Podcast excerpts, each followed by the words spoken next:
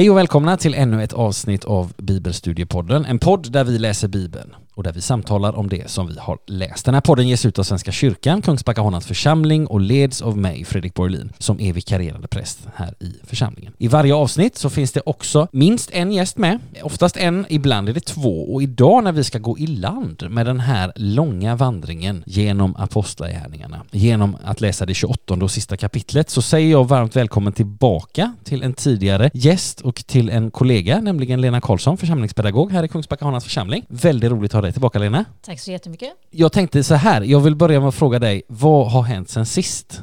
Ja, det har ju hänt en hel del, men eh, inte i arbets... Jag har ju inte arbetat så mycket. Nej. Jag har haft semester. Du har haft semester och då är det lite roligt för vi kan avslöja för gästerna att din semester har ju faktiskt lite apostlagärningarna anknytning. Vill du berätta om detta? Jag har varit och seglat i Medelhavet, Ja i Grekland. Precis, och då kan man tänka så här. Vi läste i förra avsnittet och vi kommer läsa i detta avsnittet om en ganska dramatisk segling. Hur var din segling? Var den dramatisk? Var det strandningar och sånt där eller? Nej, inte riktigt så illa, men eh, lite dramat, dramatik har vi nog varit med om. Ja. Det har vi. Och det har vi nog är vi varje gång faktiskt. Ja. Men ni återvänder ändå till, till så att säga till, till seglandet? Ja, ibland så tror man ju bara att man sitter på en båt och guppar och det är jättefint och eh, vinden är, är snäll mot en, men Ja. så är ju inte fallet riktigt. Nej just det. Man kan säga så här, idag när vi kommer att stöta på, eller rätt sagt vi kommer få lite grann efterspelet här av den här stormen och så vidare, då kan man säga att då har vi någon, en person som vet hur liten man kan känna sig i en båt eh, när, när det stormar. Ja, så att säga. Ver- verkligen. Ja, ja men det är roligt när, det är roligt när eh, jag hoppas att du har haft en god semester, att det har inte bara varit dramatik på sjön. Nej, men det är det som är lite spännande också. Ja, ja men gott. Ja men det känns gott att vi kan göra en koppling mellan liksom, nu har liksom det här har varit semesterplanerna och nu får vi läsa om något liknande här på samma hav också, Medelhavet. Så att det är ja, roligt. Du ska känna dig varmt välkommen tillbaka. Väldigt roligt att ha dig här igen. Och sen har du med dig en gäst idag.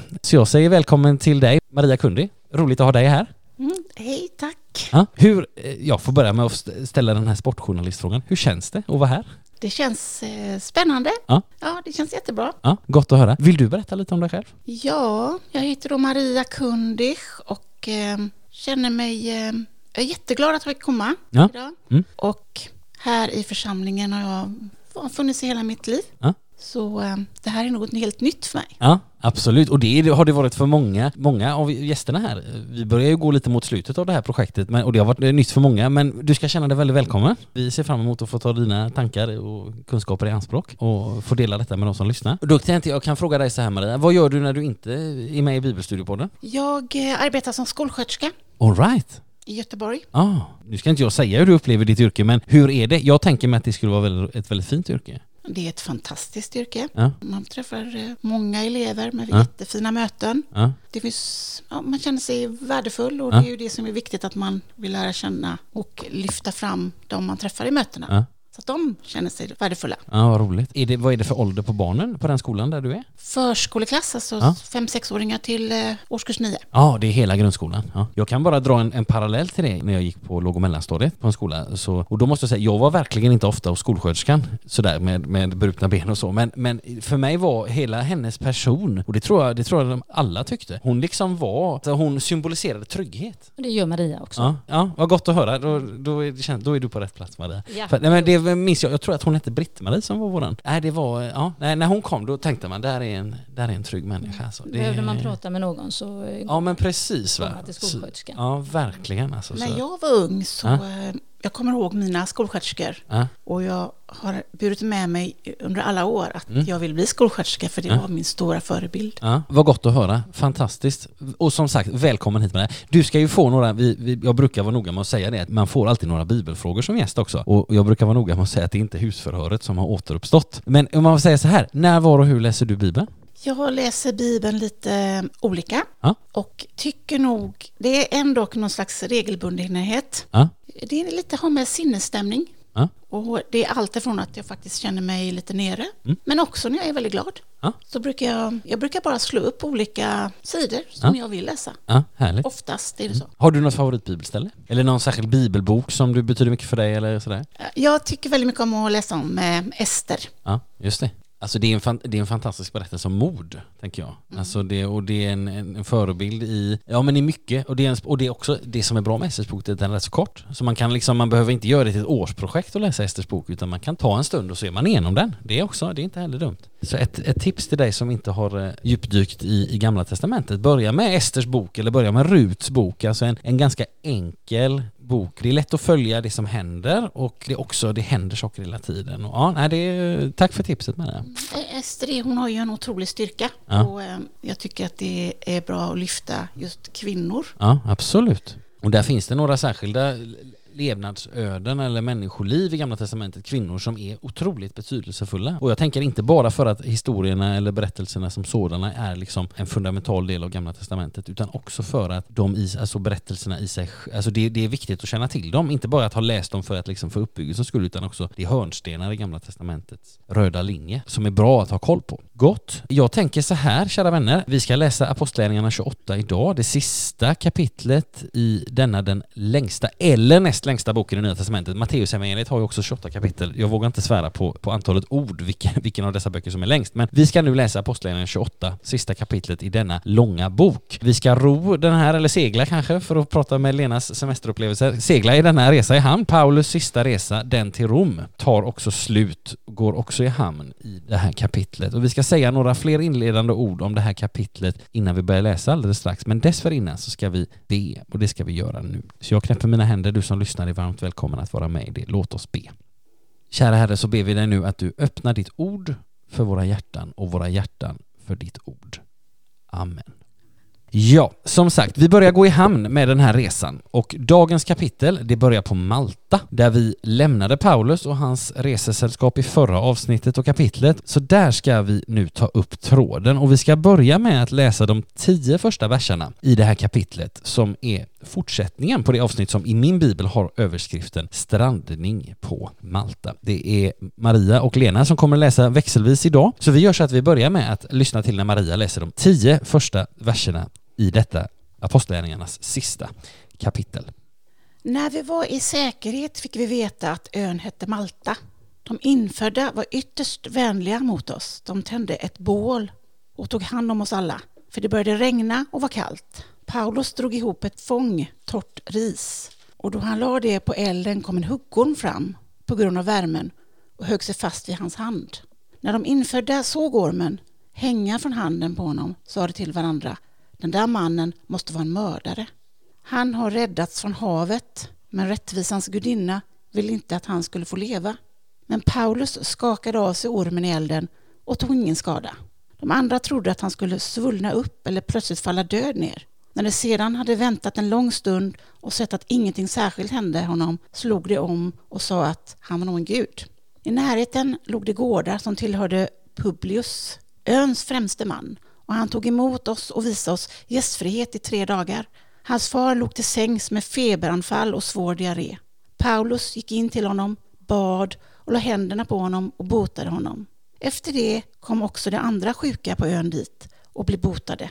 De gav oss många bevis på sin uppskattning och när vi skulle segla därifrån försåg de oss med allt vi behövde. Stort tack Maria. Ja, vi befinner oss alltså på Malta nu, den välkända turistön belägen 90 kilometer rakt söder om Sicilien och där verkar det ha varit tämligen gemytligt ändå. Lokalbefolkningen är vänligt inställda och så vidare. Sen händer det också ett och annat eh, som kan tyckas vara en motgång sådär. Men jag tänkte jag vill börja med att fråga er, Lena och Maria, vad, vad fastnar ni för i det här avsnittet? Jag fastnade ganska mycket för ormen. Japp. Mycket därför att jag precis har haft en orm i min egen damm. Så det kändes lite sådär, wow, nu ska jag läsa om det. Ja, just det. Nu är ännu en koppling till... Ja, ännu en till koppling, så eh, det här var ja. nog rätt. eh, Jag behöver nog läsa mer om det här. Ja. Jag tycker att det, det är tryggt att höra att eh, man kan bli biten av en orm. Jag är ganska rädd för ormar. Ja. Jag tycker de är lite obehagliga. Eh, Men ändå att man, man, man kan vara trygg. Det kanske inte är så farligt egentligen. Nej, just det. Fastnar du för någonting kring kopplat till detta Maria med ormen och sådär? Jag tänkte just att det står huggorm Just det. och att eh, huggormar, det, det är precis som Lena sa, att det, det är nog starka känslor hos många människor. Ja. Och jag tänker också då på skapelseberättelsen. Just det. Där Ormen i, i Eden, absolut. och, eh, ja, som symboliserar on, ondskan. Ja. Och det kände jag väl att det var lite likhet här. Ja. Ja, och jag tänker så här för att haka i det som ni säger det här att, alltså att vi har, det tror jag också har, alltså det här att jag kan ju själv säga jag är inte rädd för spindlar eller, eller liksom eh, möss eller så här, men ormar tycker jag är obehagligt. Rejält obehagligt. Och sen finns det ju andra som, som tycker mindre om andra djur och så vidare men jag tror att vår uppfattning om ormar generellt inte sällan har med liksom skapelseberättelsen Edens lustgård, ormen i paradiset där att göra. Liksom att det, det är liksom någonting som vi är påverkade av. Sen är det ju inte direkt några sympatiska djur. Speciellt inte huggormar som liksom biter en och så vidare och man måste ha vård och sådär. Det har Ehm, man ju hört eh, sedan man var liten egentligen. Mm. Att ormen står för något dåligt. Ja. Ormen är ingen bra, bra väsen. Jag Nej. menar ödlor tycker jag Ja. jättemycket om. Ja. De tycker jag är jättefina. Och de kan ju egentligen ha en koppling också om man eh, lyssnar på vad Absolut. många människor säger så. Ja. Men, men just ormen. Mm. Och jag tänker, alltså en sak som vi har liksom, om man skulle liksom sammanfatta hela apostlagärningarna bara med en enda mening, så är det att det finns väldigt mycket motstånd. Alltså Paulus har på sina resor och också de andra liksom i den tidiga församlingen har stött på väldigt mycket motstånd. Dels motstånd från liksom de judiska religiösa ledarna, motstånd ifrån olika företrädare för romarriket. Vi skulle ju mycket väl kunna se det här med ormen också som en, vad ska vi säga, mer än, ja men ett andligt motstånd, det vill säga att ondskan vill ju heller inte att, att det budskap som Paulus sprider, att det ska få slå rot hos människor att wow, det finns, det här, här finns ett evangelium liksom. Och det är klart att det ligger ju i ondskans intresse att människor inte får höra det. Så att jag tänker att på det sättet kan vi mycket väl se den här liksom in, ormincidenten. Att här finns det också ett, ett motstånd på något sätt. Sen tänker jag, eller vad tänker du på Lena? Nej, jag tänkte bara, för direkt säger de den där mannen måste vara en mördare. Ja. Och det är intressant det här för de har ju någon slags bild av då det här med alltså rättvisans gudinna alltså, eh, i den grekiska mytologin, dike eller diké, alltså ett ord som också betyder rättvisa eller bestraffat liksom det här med, med alltså här fanns ju uppenbarligen någon slags ödestro, det vill säga att den här mannen måste vara en mördare eftersom han överlevde stormen och så kommer en orm och biter honom, du, du kan inte vara ett sammanträffande utan han måste, det måste vila, nå- det måste vila någon slags öde över honom eller någon slags rättmätigt straff eller sådär genom det som händer. Det är ju deras första analys av läget om man säger och sen så när de då märker att ingenting händer, wow, ja, då, ja, men då, måste han ju, då måste han ju själv vara en gud eftersom han överlever detta. Och vi kan ju, vi kan ju koppla den här händelsen till exempel till några av de sista verserna i Markus evangeliet. Läser vi så här i kapitel 16 står det så här, dessa tecken, läser vi alla sist i Markus, dessa tecken ska följa dem som tror. I mitt namn ska de driva ut demoner, de ska tala nya tungomål, de ska ta ormar i sina händer, de ska inte bli skadade om de dricker dödligt gift och de ska lägga sina händer på sjuka och göra dem friska. Alltså det här är ett löfte som knyts och då kan man tänka, betyder det att vi ska söka upp alla ormar och försöka ta dem i händerna och bli bitna? Så, nej, det ska vi inte göra för det är att sätta Gud på prov. Men här finns ett löfte om ett särskilt beskydd och jag tänker att det är ju det vi ser här. Alltså det som Jesus lovade i slutet på Markus evangeliet, det, det får sin realisation här. Sen ska vi ändå vara försiktiga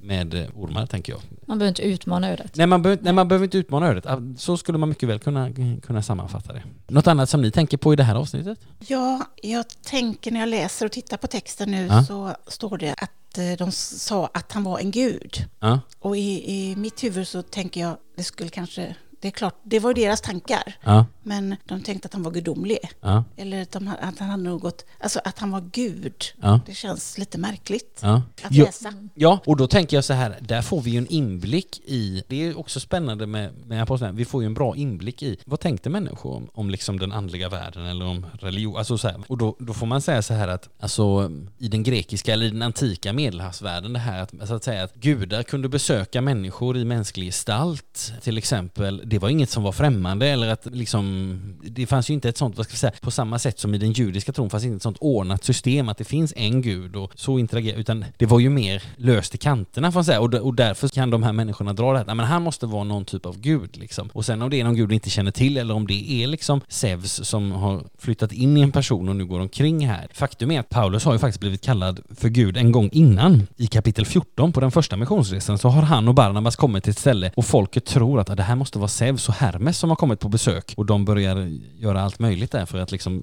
blidka då de här, alltså Paulus och Barnabas. Och då säger Paulus någonting väldigt tydligt. Han säger så här, nej, vi är, vi är vanliga människor precis som ni liksom, men vi, har, vi kommer med ett budskap och med en kraft liksom. Och jag tänker att vi läser inte i det här avsnittet att Paulus säger det, men han har liksom blivit så att säga utpekad som en gud även tidigare och har liksom avsvurit sig att nej, så är det inte. Vi får ju här i den här texten liksom, tänker jag, ett ytterligare ett, ja, men ett smakprov på att det här var slutsatser som människor kunde dra, så att säga. Så att det får man tänka sig att det var liksom, så här kunde människor resonera och det var inget, det var inget, inget konstigt utan man drar att okej, han överlevde stormen, han överlevde ormbettet. Det måste, här är någonting som inte riktigt stämmer och det, det det får man ju säga att utifrån våra vanliga perspektiv, ja men det är ju någonting som inte riktigt stämmer. Det vill säga, Paulus lever ju under Guds beskydd här på ett särskilt sätt och det gör att också människor kan dra den här typen av slutsatser så att säga. Och det är också någonting att möta och det är också, tänker jag, en frestelse att liksom, oj, här skulle ju Paulus skulle ju hur lätt som helst kunna slå sig till ro på Malta och bara utnyttja detta, att han, är, han har den här gudomliga statusen och så han skulle ju kunna gå i en tidig pension där och bara njuta av att folk tillbad honom liksom och sådär, men det gör han inte utan han har ändå blicken fäst på målet. Så där är ju, det är ju tillfället till frestelse verkligen.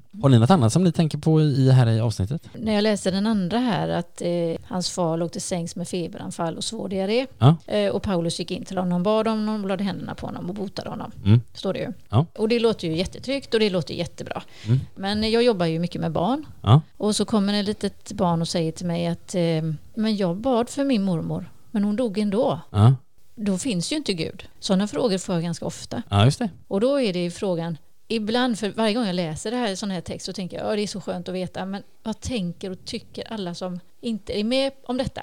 Det hjälper inte med alla böner och, och sånt. Mm. De blir inte rädda de här människorna ändå. Nej. Eh, och det är ju en jättestor sorg, Absolut. jag, när man ja. läser den här texten. Mm. Ja, den, jag tänker den frågan kan vi ju också ställa oss och den har, jag vet att vi har varit inne på den också men här, här verkar det så enkelt. Mm. Alltså han bara går in och det är liksom som om, som om han öppnar ett plåsterpaket bara. Det är liksom inga, utan det, det verkar så otroligt naturligt att ja, nej men bara lägga händerna på honom och det, och det jag menar det har vi läst om innan här att uh, dukar som Paulus eller som Petrus hade rört vid lama på folk och det bara pang liksom. Och då kan man tänka här, men hur kan vi, vad ska vi tänka om det idag? Man hör idag om att människor blir helade Absolut. efter förbön. Men vi, vi, vi vet också, det vet alla kristna, att så ser det inte ut varje gång vi ber för någon. Liksom. Och det kan vara människor som man har bett för länge och väl och mycket och, liksom, och man, man, liksom, man undrar va- varför? Vad är poängen med detta? Och då, sku, då skulle jag säga så här att ja, men den, första, den första svaret på den frågan är så här, ja, men vi vet inte. Nej. Vi vet inte varför inte, när vi tycker att ja, men det här är ju hemskt, var, varför griper inte Gud in liksom?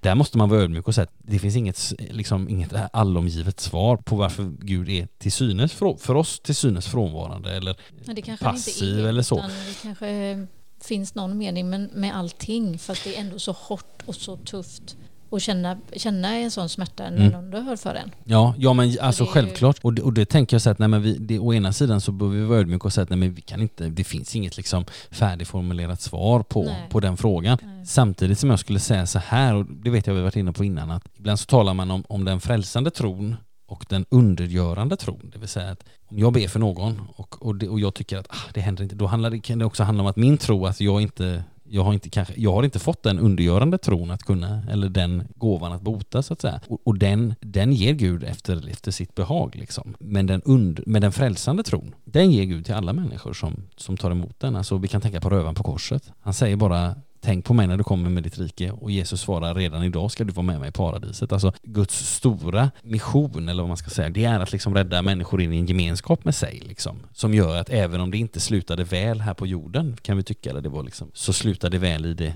i det sista, det vill säga att det finns en evighet där Gud, som Gud bjuder in oss till. Ja, det är ungefär så jag försöker då Ja, Nej, och, och sådär. Och sen, men sen kan vi också tycka, och det, är- det är fullständigt men var, varför? Vi bad ju så mycket eller sådär. Och, det, och då kan man säga så att om man då tänker att det kan finnas en mening i saker och ting så tänker jag så här, ja, nej men då ska vi nog vänta med att söka den tror jag. Man ska inte försöka hitta en mening mitt i sorgens eller smärtans mörker och försöka, utan liksom låt då, alltså meningen, kan, Gud, Gud kan göra någonting av varje situation, men det är inte alltid vi ska börja med att söka den, utan att vi behöver också ibland, alltså vi behöver ibland få distans till det liksom. Ja, barnen är ju så härliga där för att Ja. de, är, de blir ju nöjda med att eh, mormor är uppe hos Gud och Mm. tittar på dem och Mm. vinkar till dem nu och Mm. finns där. Och där är det ofta vi vuxna som har svårare att ta emot. Mm. Att, att oj, kan det vara så? Mm. Alltså att nej, nej, nej, nej, nej. Liksom. Och det är också, jag menar det hänger ihop med att Jesus säger du måste bli som ett barn. Mm. Alltså det vill säga, där visar barnen också vägen. Liksom. Att- väldigt skönt. liksom. Ja men väldigt skönt och en väldigt tillförsikt. att Och att man också, och att man också tror jag vågar ställa frågan. För det är inte alltid vi vuxna gör det. Om vi skulle be och så händer ingenting så, så tror jag inte alla vuxna skulle inte ställa mig mot väggen och säga men varför hände ingenting? För man tänker oj då blir det lite dålig stämning eller ja, men men göra. Så, men det kan barn göra och det Ja. tänker jag också att det måste vi tala om och då måste det också få komma fram att nej, men vi- vi vet inte alltid men, men i det stora perspektivet som handlar om, om, om liksom det liv som tar vid efter detta livet, ja men där, där är porten öppen för alla. Sen kan jag, Fredrik, som är präst, kan vara, känna mig väldigt maktlös. För att, att liksom, nej men jag, jag ber för människor och, och det händer ingenting. Liksom. Och det är inte för att Gud inte vill agera, men, men ibland så, vi, förstår inte alltid hans vägar. Liksom. För vi tittar ju på dem med våra mäns- mänskliga ögon. Liksom. Mm. Men den tron som, som är bron till evigheten hos Gud, den är, där är det även den, den lilla, lilla tron räcker liksom. För det handlar om riktningen. Och det är också, om man skulle koppla tillbaka till förra gången Paulus blev kallad för en gud, alltså då var det, då var det en hel stad, de blev helt, de tog fram och slaktade djur och trodde att nu offrar vi till Zeus här och så. Alltså de gjorde ju massa saker, de hade ju en väldigt stark tro, fast den var felriktad. De trodde att det var Zeus som kom. Och så var det en person som sitter där och är lam, och så står om honom att han hade tro så att han kunde bli, bli botad. Och det handlar ju inte om hur mycket, utan det handlar om att han förstod vad det var som skedde. Och det är också en, någonting att liksom slipa trons ögon så att vi ser, var är Gud i detta som sker? Det är inte heller alltid som det är uppenbart för oss. Och sen först, men först senare kan vi upptäcka att, vänta nu, oj, det fanns en jätteomsorg i den här ganska tuffa, eller väldigt tuffa perioden. Mm. Och det, där, där syns ju Gud bättre i backspegeln ibland, än vad han syns i framrutan.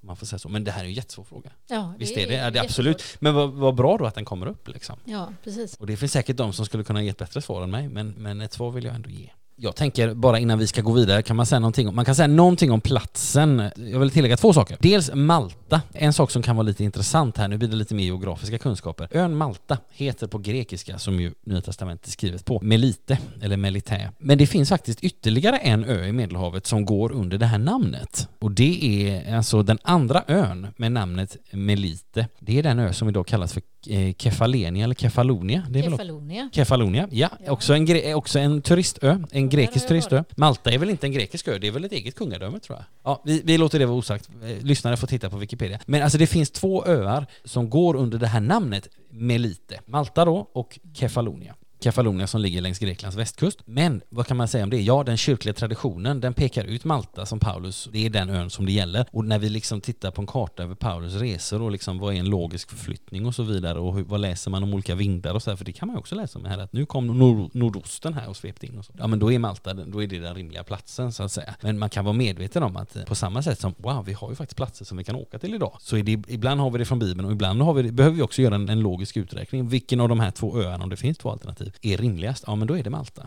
Och det har kyrkan identifierat från liksom ett väldigt tidigt stadium. Det är det ena jag ville sagt. Sen det andra, öns främste man läste vi om i vers 7. Alltså grundtextens uttryck återfinns på inskriptioner om romerska ämbetsmän på Malta. Alltså de kallades för öns främste man. Det var alltså som en titel, ungefär som landshövding eller någonting. Va? Och det finns belagt på, på eh, inskriptioner på Malta. Den här mannen Publius, han är i övrigt okänd och det var ju dessutom, Publius var ju dessutom ett vanligt romerskt namn. Så att det är liksom ingen, vi vet ingenting om honom mer, men, men så att säga den här öns främste man, det kan ha varit både en, att ja men han var öns främste man, men det kan också vara en titel.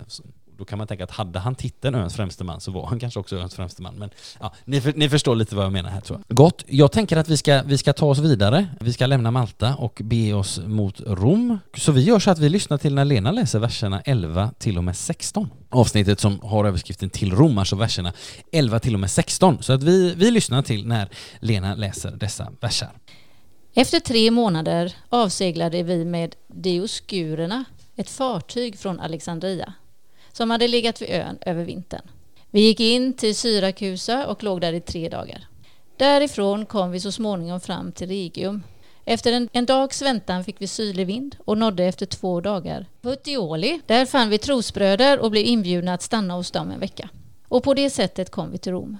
Bröderna där hade fått besked om oss och kom ända ut till Forum, Api och Tres Tabernae för att möta oss. När Paulus såg dem tackade han Gud och fylldes med tillförsikt. Efter ankomsten till Rom fick han tillstånd att ha en egen bostad tillsammans med den soldat som skulle bevaka honom. Tack så mycket Lena. Ja, det finns några namn och orter som vi behöver säga någonting om. Jag tänkte jag vill börja med att fråga er Lena och Maria vad ni, om ni fastnar för någonting eh, i det här avsnittet? Jag fastnade för en, en liten grej bara. Ja visst, Det är ju bara för att, jag, att vi själva har varit ute och seglat. just det. Så eh, när man, när man läser det här så är man ju också införstådd att det är väldigt varmt. Mm. Det är väldigt, när man bor på en båt Mm. så har man ju inte de här bekvämligheterna som är riktiga duschar och så här. Mm. Man tänker lite hur de hade det. Ja. Eller jag går in i det i alla fall. Absolut, jo, men det förstår jag att det ligger nära till hands för Ja. dig, självklart. Och det är lite spännande för så har jag kanske inte sett det innan. Men Nej. nu när jag läser det så här så blir det man kan säga mina, mina egna, bara för att haka i det du säger här, mina egna erfarenheter av segling, de är ganska begränsade. Men, men jag har varit ute någon gång sådär och, och på någon liksom mindre, vad ska vi säga, två, tre, fyra personers båt sådär. Och det är klart att man är ju, började vågorna gå höga och det sådär, då är man ju väldigt liten. Och det är klart att här är vi, pratar vi om en resa som är lång, lång, lång i tid och över öppet hav och sådär. Och det är klart har man som, inte minst som du då Lena, varit i det rätt nyligen också så ja, men hur hade de det liksom om man förstår att det var ingen det var ingen lyxkryssare detta utan Nej, de åker ju med bara för att liksom sedan seglatsen började i eh, Caesarea Maritima är det väl för, för ganska långt tillbaka, alltså i början av kapitel 27. De har ju åkt med vanliga olika typer av handelsskepp liksom som har tagit med sig dem. Så man, det är ju förmodligen inga direkta bekvämlighetsinrättningar där utan de har liksom åkt med det ena fartyget efter det andra. Sängarna är stenhårda och det är bara pallar och... Ja, nej men precis. Om det ens finns några sängar eller det precis. vet vi ju inte. Nej, de kanske har sovit i lite halm eller någonting. Men nej, så att det är ju ingen, det är ingen nöjesresa på, på det sättet. Men, men det, jag tänker, precis som du säger, det måste bli mycket mer levande när man har varit på en båt. Även om, man, även om jag hoppas att eran turistbåt har varit något bekvämare än, än denna. Men, jo, men, men det har den ju, men den är ändå, det är ändå lite hårt och det är ändå Ja. lite svårt och det här med duscharna och så här och det är vattnet väldigt salt och ja. ja, precis. Det, man kan inte jämföra det med en, med en modern kryssningsfartyg Nej. med room service och så, Nej. utan det är ändå, det är ändå ett spartanskt sätt att, att resa, att segla med en egen segelbåt. Det går inte att komma ifrån. Och där ligger väl också tjusningen, tänker jag, att, som vissa tilltalas av och andra som jag själv skyr. det får, så att där är vi olika, men det gör inte så mycket. Maria, fastnar du för någonting i detta avsnittet? Ja, men ni var ju inne lite på det här med tre månader, Mm. står det ju, avseglade Ja. vi med. Och eh, det är en väldigt lång tid. Ja. Väldigt lång tid. Ja. De har varit där, precis, de har varit länge på Malta. Och jag tänker också så här, det lär ju oss någonting om det här med tidsuppfattning. Vi blir ju stressade snabbt, vi är nutidsmänniskor. Här var de tre månader och de, jag menar, Paulus har ju varit väldigt tydlig med att han åker dit och sen åker han dit och sen så skriver han ett brev till det stället och sen så säger han, ja vi måste hinna till eh, Jerusalem innan pingsten men, men jag, nej, jag, för att spara tid så gör jag det och det. Alltså där finns det ju ett tänkesätt som vi kan känna igen oss i, vi vill hinna med mycket. Men här, jag menar på, på Malta, där driver de ju bara i land. De får ju reda på, det hörde vi ju Maria läsa allra först då, de får reda på, när vi var i säkerhet fick vi veta att ön hette Malta. Alltså att de har ju inte något ärende där och ändå då stannar de i tre månader. Alltså det är en annan tidsuppfattning. Alltså jag tänker att det är mer, man lever lite för dagen och ja, vad kan vi göra idag liksom? Och sen stannar de där en tid och det är, det är inte som vi, vi, vi mäter tid så, så detaljrikt liksom i våran tid och allting ska vara så effektivt och ja, det, jag tror vi missar någonting där på ett sätt. Men visst, det är, det är en lång tid som du säger. Något annat som ni fastnar för i det här avsnittet? Att de hade fått besked eh, innan att de skulle komma. Bröderna där hade fått besked om oss. och Just det. ända ut. Ja, för att möta upp oss. Mm. Just det, det har gått någon slags bud innan och det är också fascinerande för det är också så här, det måste ju innebära att någon har rest i förväg på något sätt med ett brev av något slag eller med, eller liksom ett meddelande och det är ju också, det vet vi ingenting om, vem det var som gick med det budet men det måste ju ha varit någon för oss okänd medarbetare till Paulus som har liksom åkt före och, och meddelat och sådär. Så att det är många människor här i Apostlagärningarna som vi inte läser om men de är ändå en del av hela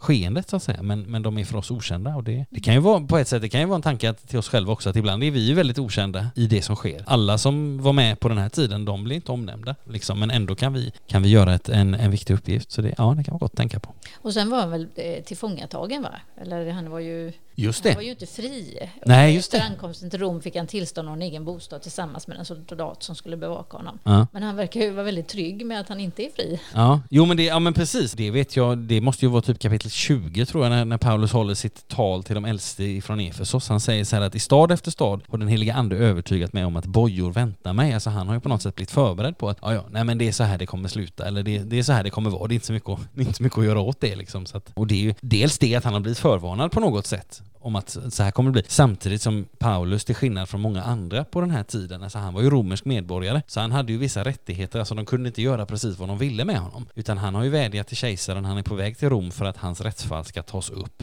Så att han, han har ju ett helt annat skydd än om man jämför med till exempel lärjungarna i Jerusalem. Eller, liksom, eller Jesus själv som blir ju bara utlämnad. Men Paulus är ju romersk medborgare, vilket innebär att han har vissa rättigheter som alla människor inte hade på den här tiden utan som bara, som bara då medborgare hade. Så där finns ju också en, lite av en trygghet på något sätt eh, för honom. Men, men det är nog ett väldigt stort mått av tillförsikt också, tänker jag. Och, och liksom eh, förtröstan på, på att, att Gud styr det som sker. Det är det enda rimliga, tänker jag. Man kan ju också fundera lite på precis det som Lena sa. Mm. den soldat som skulle bevaka honom. Mm. Det måste ju finnas väldigt många mer på den här båten. Mm. Alltså den soldaten, den måste ju känna sig lite utsatt. Ja. Ja, det får man tänka och, och man, kan, man kan undra vad, vad... För Paulus borde ju ha människor som följde med. Ja. Och då var de ganska många, tänker Ja. jag. Ja, ja men det, det, det, får man ju nog, det får man ju tänka sig att det fanns andra som, som följde med. För man, man tänker ju annars att skulle det här vara... Varför försökte de inte frita Paulus då liksom och hoppa över bord på något lämpligt ställe och simma i land och fly därifrån? Att, jag tänker att nej, men det hänger nog samman mycket med Paulus själv, att han har fått veta att han ska, han, han har vädjat till kejsaren själv, han ska till Rom och han tänker att nej, men det är nog ett, det är ett led i det som, som Gud gör, så därför finns det liksom ingen anledning att avvika här om jag inte får någon tydlig uppenbarelse om att jag ska göra det, utan nu, nu har jag vädjat till kejsaren och, och, och det är dit jag ska liksom. Så att, ja. Men det är den här eh, soldaten som har följt med honom hela tiden? Eller är det... Alltså det var en bra fråga. Det, det, och det, eh, för att kunna svara på den på ett bra sätt så skulle man ju behöva känna till hur man jobbade här och det, det är lite bortanför mitt. Men jag, jag skulle tänka, jag, men för idag skulle jag vilja tänka, men kära någon, han måste ju fått massvis av OB, OB-ersättning här för, och liksom hur, hur gick detta till? Och jag, jag tänker att nej men om, om, en sol, om en romersk soldat liksom blev kommenderad att nu ska du eskortera den här personen till Rom. va? Ja, då följer han ju med Då följer han, ja men då följer han med och skulle den, skulle Paulus fly då så tänker jag att men då skulle den här soldaten blivit bestraffad, alltså om inte med döden så med tortyr eller någonting. Men om nu en soldat följer med en person så länge och är Ja. med i sådana svårigheter som de har varit Mm. i storm och allt möjligt, Mm. då kanske han också blir mildare och snällare och bättre. Man får ju Men- tänka, det finns ju något som heter Stockholmssyndromet. Jag var precis Ja. inne på detta. Ja men säg vad du tänkte på. Nej, men jag tänkte på det att Ja. den här soldaten borde ju blivit påverkad av alla de här människorna. Ja, Och precis som du säger, Stockholmssyndromet. ja. Och jag tänker den här soldaten... relation och att man eh, känner... Och jag menar hur, hur långt... Och då kan vi säga till, nu ska vi försöka återupprepa då för den som inte känner till det här med Stockholmssyndromet. Alltså det, det, det går tillbaka till, en, till ett bankrån i Stockholm på 70-talet där bankrånarna tar gisslan någonstans, Norrmalmstorg eller nå- någonstans i centrala Stockholm. Och efter ett tag så på något sätt visade det sig att de som har tagit giss, alltså de som är tagna som gisslan, nu får ni rätta mig om jag har fel här, de börjar ju sympatisera med bankrånarna. Alltså det, det uppstår en relation, visst är det så? Gisslan sympatiser, börjar sympatisera med gisslantagaren. Är det så vi ska, jag tror att det är så vi ska förstå Stockholmssyndromet. Utan att vi är experter här på Stockholmssyndromet så det här att så att säga den som har tagit som gisslan eller är fångat, tillfångatagen mot sin vilja börjar liksom sympatisera med, eh, och nu, är det, nu får vi ju å andra sidan, nu får vi ju ha klart för oss att det är ju, Paulus är inte den som har tagit någon om gisslan, utan Paulus är ju den som är fångad och hans eskort är de som håller fången. Men man tänker att poängen här tror jag som vi vill komma fram till är att den här vakten som följer med Paulus har ju verkligen varit sida vid sida. De kan ju faktiskt vara fastlåsta vid varandra med bojor eller någonting. Att den personen, den vakten, eller det kan ju ha varit flera, de måste ju ha påverkats av, jag menar de måste ju ha sett den här huggormen som människorna på, på Malta tänkte att han är en gud. Och jag menar, även om romarna, de här romerska soldaterna kanske inte drar samma slutsats Och stormen som de var med Ja, och stormen, alltså det, så att jag tänker att de kan ju inte ha varit opåverkade av det de har upplevt, så att säga. Ja, nej men det är spännande för att det, är som sagt, de bör ju ha varit, och om det är så, det, bara nu kan vi koppla i en sak till här, alltså det här med öns främste man som vi hörde om eh, i förra avsnittet när, när eh, Maria läste. Så det var ju en, eh, alltså det var ju en romersk ämbetsman och han verkar ju också på något sätt ha kommit till, alltså hans pappa blev ju liksom helad och så vidare. Alltså så att jag menar att, att även, även företrädare för romarriket kunde liksom närma sig evangeliet. Det är ju ingenting som vi apostlärningarna är främmande för på något sätt. Så att, men det, det är spännande att fundera. Vi har ju inte svaren här utan vi, nu sitter vi och spekulerar men, men det, och det får vi göra så länge vi säger att jo men det här, nu sitter vi och spekulerar och det har vi gjort liksom. Men, nej, det finns, men det, och det, det är gott detta det, när man läser Bibeln tillsammans. Det finns mycket att ta upp bara på sådana här korta avsnitt. Innan vi går vidare så ska vi bara säga någonting om de här platserna som vi har hört om i det här avsnittet. Alltså Dioskurerna, som är väl skeppets namn tror jag. Folkbibeln översätter det här med tvillingarna och de här uttrycken syftar på, det, de syftar på samma sak. Tvillingarna eller Dioskurerna, de syftar på det så att säga mytologiska radarparet Castor och Pollux. Jupiters tvillingsöner som ansågs vara sjömännens skyddsgudar. Alltså så att när man säger att vi avseglade med, vad ska vi se, vi avseglade vi med Dioskurerna, ett fartyg och det verkar ju vara fartygets namn, men man skulle också kunna tänka sig att uttrycket betyder att vi, vi liksom avseglade med Dioskurernas beskydd. Alltså det, det är ett sätt att uttrycka. Men, men förmodligen så har skeppet det här namnet. Som alltså, Castor och Pollux, tvillingarna eller Dioskurerna var alltså sjömännens skyddsgudar. Sen står det att de kommer till Syrakusa, alltså det är en stad på Siciliens ostkust och den eh, finns ju fortfarande kvar och har samma namn. Vi hör om platsen Regium, alltså det är det nutida Reggio di Calabria vid Messinasundet, alltså sundet mellan Sicilien och det italienska fastlandet. Det är väl någon kilometer eller två kanske. Så att det är ett sund, men det är ett ganska brett sund ändå. Vi hör om Puteoli, det är det nu, nutida, oj det här var svårt att uttala, Puzzoli, nära Neapel. Till den här hamnen fördes Roms import från imperiets östra delar, till exempel spannmål från Alexandria och så vidare. Och de två sista orterna, Forum Appii och Trestaberna. De här platserna som betyder alltså Appius torg, Forum Appii, och tre krogar, Trestaberna. Alltså det kan vi tänka en taverna eller en krog, det är ju samma sak idag. De ligger vid den ganska välkända vägen via Appia, den ännu delvis bevarade huvudvägen söderut från Rom och de här båda ställena ligger på 65 respektive 50 kilometers avstånd från staden. Ja, Apostlärningarna är ju som vi har sagt, det är de många resornas bok. Vi börjar bli ganska vana vid allt resande, men nu har vi faktiskt förflyttat oss färdigt. Nu är vi framme i Rom och vi har bara en handfull verser kvar att läsa. Men så är ju faktiskt också Apostlärningarna de många talens bok. Och det sista av de här många talen eh, i den här boken, det ska vi få läsa nu. Paulus tal till judarna i Rom. Så vi lyssnar till när Lena läser. Tre dagar senare bad Paulus de ledande bland judarna att komma till honom. Och när de var samlade sade han till dem. Mina bröder, fast jag inte har förbrutit mig mot vårt folk eller våra fäder ärvda seder och bruk blev jag i Jerusalem utlämnad till romarna och bortförd som fånge. Sedan de hade förhört mig ville de frige mig, eftersom jag inte var skyldig till något som förtjänar döden. Men judarna satte sig emot det och jag blev tvungen att vädja till kejsaren. Dock inte för att anklaga mitt folk. Detta är bakgrunden till att jag har kallat er hit för att träffa er och tala till er. Ty det är Israels hopp som är anledningen till att jag bär dessa bojor. De svarade, vi har inte fått något brev om dig från Judén. Och inte heller har någon av de bröder som kommit hit haft något ont att säga om dig vare sig öppet eller enrum. Men vi vill gärna höra av dig själv vad du har för åsikt. Om den här sekten vet vi ju att den möter motstånd överallt. De kom överens om en viss dag och det infann sig ännu fler hos honom där han bodde. Från morgonen till sena kvällen vittnade han om Guds rike och uttalade vad det innebär. Och utgående från Moses lag och profeterna sökte han vinna dem för tron på Jesus. Somliga lät sig övertygas av hans ord men andra ville inte tro. I stor oenighet bröt de upp sedan Paulus tillagt detta enda. Det var med rätta som den heliga anden sa till era fäder genom profeten Jesaja. Gå till detta folk och säg, ni skall höra med era öron, men ingenting förstå, och se med era ögon, men ingenting uppfatta. Ty detta folks hjärta är förstockat. Det är tröga att höra med sina öron och det tillsluter sina ögon så att de inte kan se med sina ögon eller höra med sina öron eller förstå i sitt hjärta och omvända sig och bli botade av mig. Därför ska ni veta att det är till hedningarna som Gud nu har sänt frälsningen. Det kommer att lyssna. Tack så mycket Lena. Ja, så har vi fått höra också det allra sista talet här i Apostlagärningarna och här finns, tycker jag, några intressanta trådar att ta tag i och dra lite i. Men först så vill jag fråga er, vad tänker ni på i det här avsnittet? Ja, det var mycket. Var börjar vi?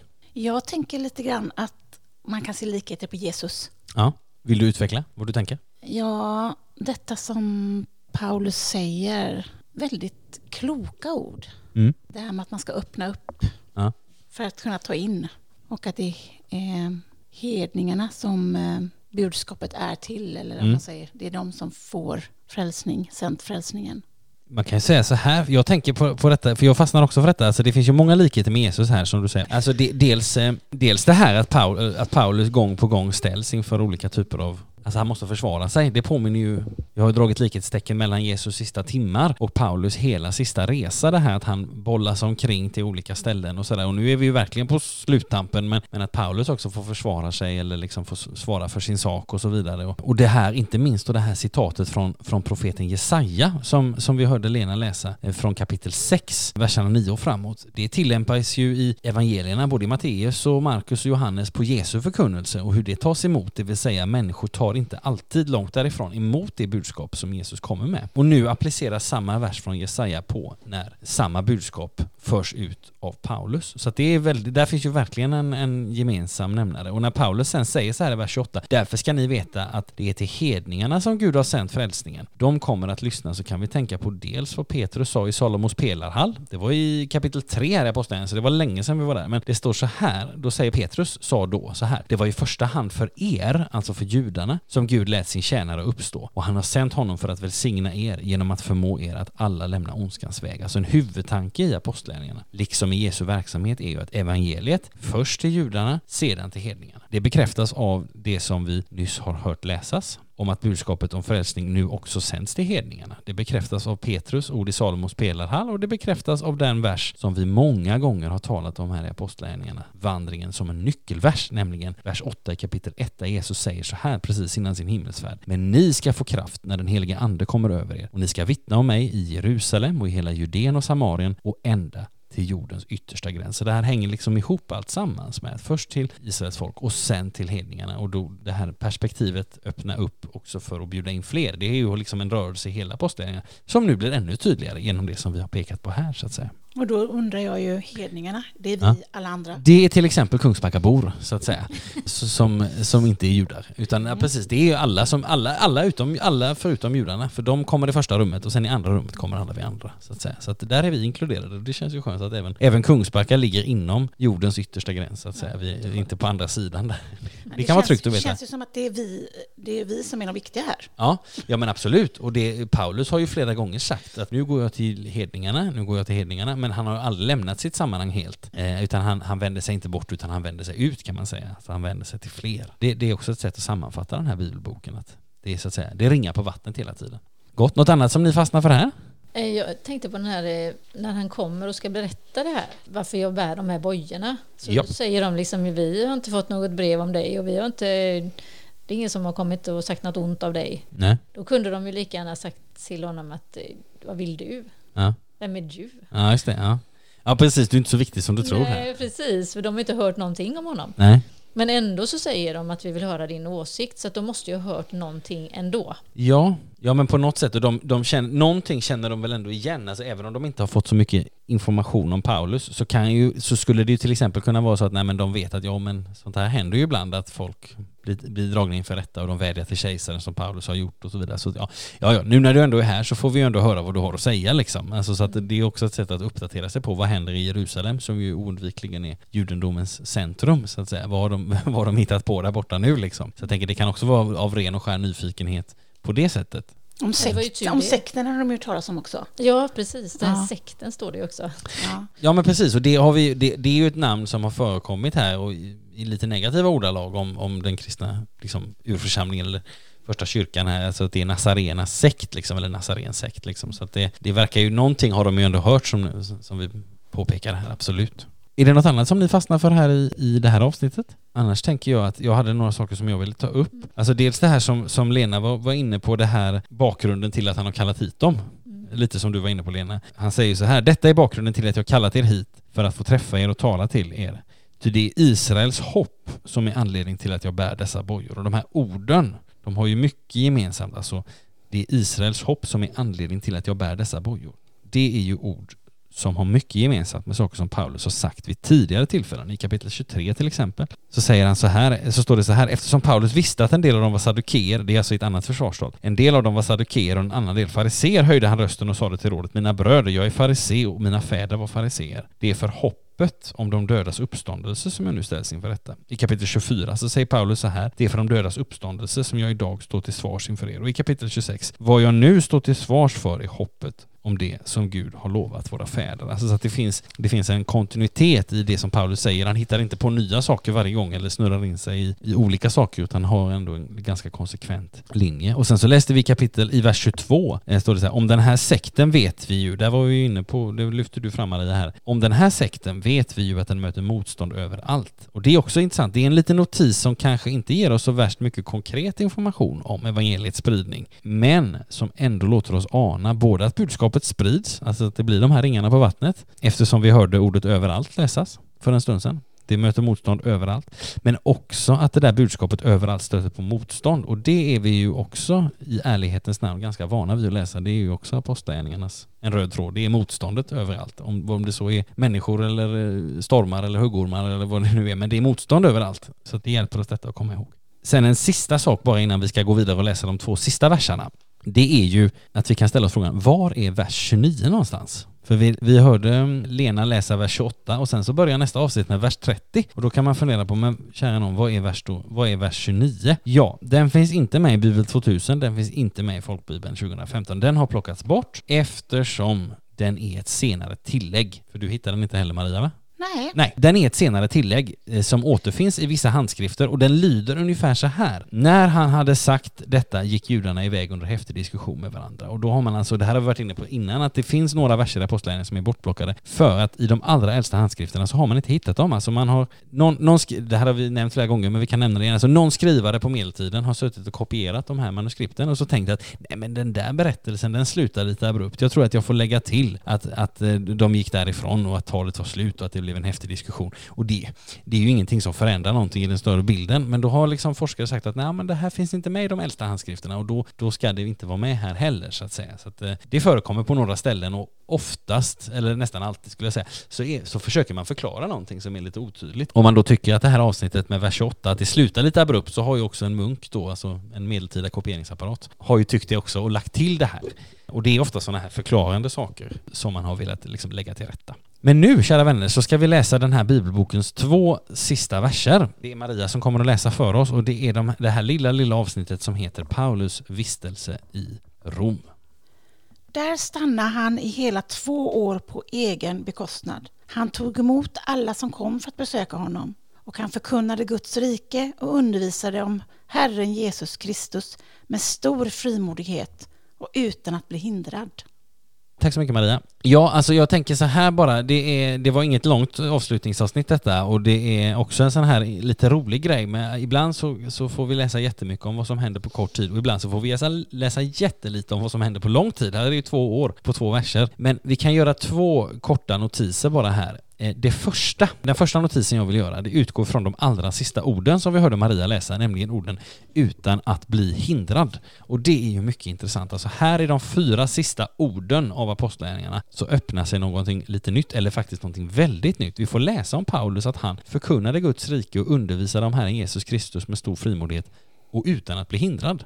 Vi noterar särskilt orden som sagt utan att bli hindrad, för Paulus, han har ju knappt blivit annat än hindrad under sina missionsresor. Och nu, vad det verkar, så får han arbeta ostört och det kan man ju fundera på hur det gick för honom. Han, han måste ju ha varit väldigt, väldigt van vid allt det här motståndet, men nu fick han alltså under två års tid arbeta utan att bli hindrad. Gång efter gång har vi ju hört om hur Paulus på olika sätt motarbetas, hotas, fängslas, misshandlas, stenas, blir ormbiten och så vidare. Och vi har pekat på att Jesus också varnar för motgångar, motstånd och lidande. Det har vi tagit upp flera gånger. Men sådana saker är inte det enda som kan drabba en lärjunge. Det blir också medvind, det blir medgång, framgång, tider av harmoni och växt och god skörd för Guds rike. Och för Paulus eh, blir det det och för oss kan det också bli det. För här fick han arbeta utan att bli hindrad och det tycker jag det är ett väldigt gott slut. Apropå det här vi pratade om innan också med, med bönesvar och sådär, att det blir alltid ett, i det stora perspektivet ett gott slut. Det verkar det bli för Paulus här också, även om det har varit mycket motgångar. Och det för oss in på nästa lilla notis som har, som har med orden att göra i hela två år.